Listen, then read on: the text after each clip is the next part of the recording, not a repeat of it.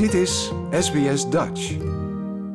2022 is binnenkort verleden tijd en terwijl het jaar ten einde loopt, zijn de voorbereidingen op een van 's werelds grootste vuurwerkshows in volle gang. Sydney zal na de landen in de Stille Oceaan een van de eerste grote steden zijn die het nieuwe jaar zal inluiden. De deur naar 2023 gaat in Australië eerder open dan in een groot deel van de wereld. Stephen Gilby, de producent van grote evenementen en festivals voor de City of Sydney, wil er dan ook voor zorgen dat het nieuwe jaar met een knaller begint. SBS Dutch op radio, online en op je mobiele telefoon. Afgelopen tien dagen zijn crews druk bezig geweest met het opzetten van de show. Die bestaat uit 100.000 individuele vuurwerkonderdelen. Fortunato Foti is de regisseur van de vuurwerkshow op Oudjaarsavond. We're looking forward to, to this year because you know the last few years, especially 2020, was uh, no crowds, which was uh, was strange in itself.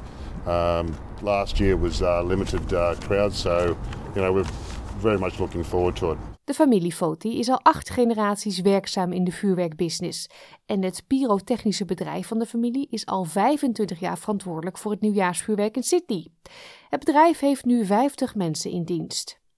De organisatie van het Sydney Habe evenement benadrukt dat veiligheid prioriteit nummer 1 heeft. Rondom de haven zijn er gratis evenementen en evenementen waar je een kaartje voor moet kopen. Fortunato Foti houdt zelf het weer in de gaten om er zeker van te zijn dat het evenement veilig zal verlopen.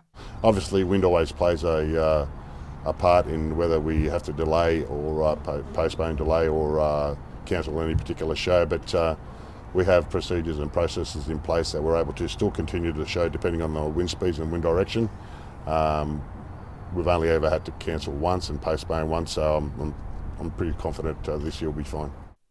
Autoriteiten in het hele land dringen er bij mensen op aan om illegaal vuurwerk te vermijden. In Victoria raakten vorig jaar 17 mensen gewond door vuurwerk. En in Sydney raakten eerder deze maand verschillende kinderen gewond door vuurwerk tijdens een Christmas Carol evenement in de stad. Heeft u een huisdier, dan is het ook belangrijk om voor dienstwelzijn te zorgen. Dr. Bronwyn Oké, hoofddierenarts van de RSPCA in Victoria, herinnert ons eraan dat Oudejaarsavond een eng moment is voor huisdieren en dat we ervoor moeten zorgen dat ze veilig zijn. Probably one of the biggest things to do is before New Year's hits is to make sure your pet's microchip details are up to date because some pets, no matter what the situation, what you do to protect them, they will get out. Uh, and if your dog or cat's microchip is not up to date, on New Year's Day, when everything is closed, you're going to find that the emergency centres, RSPCA, we're going to be scanning those microchips to try and reunite you with your dog.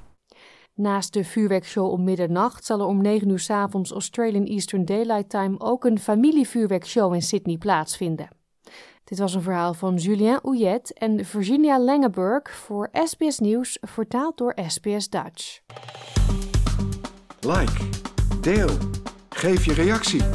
Volg SBS Dutch op Facebook.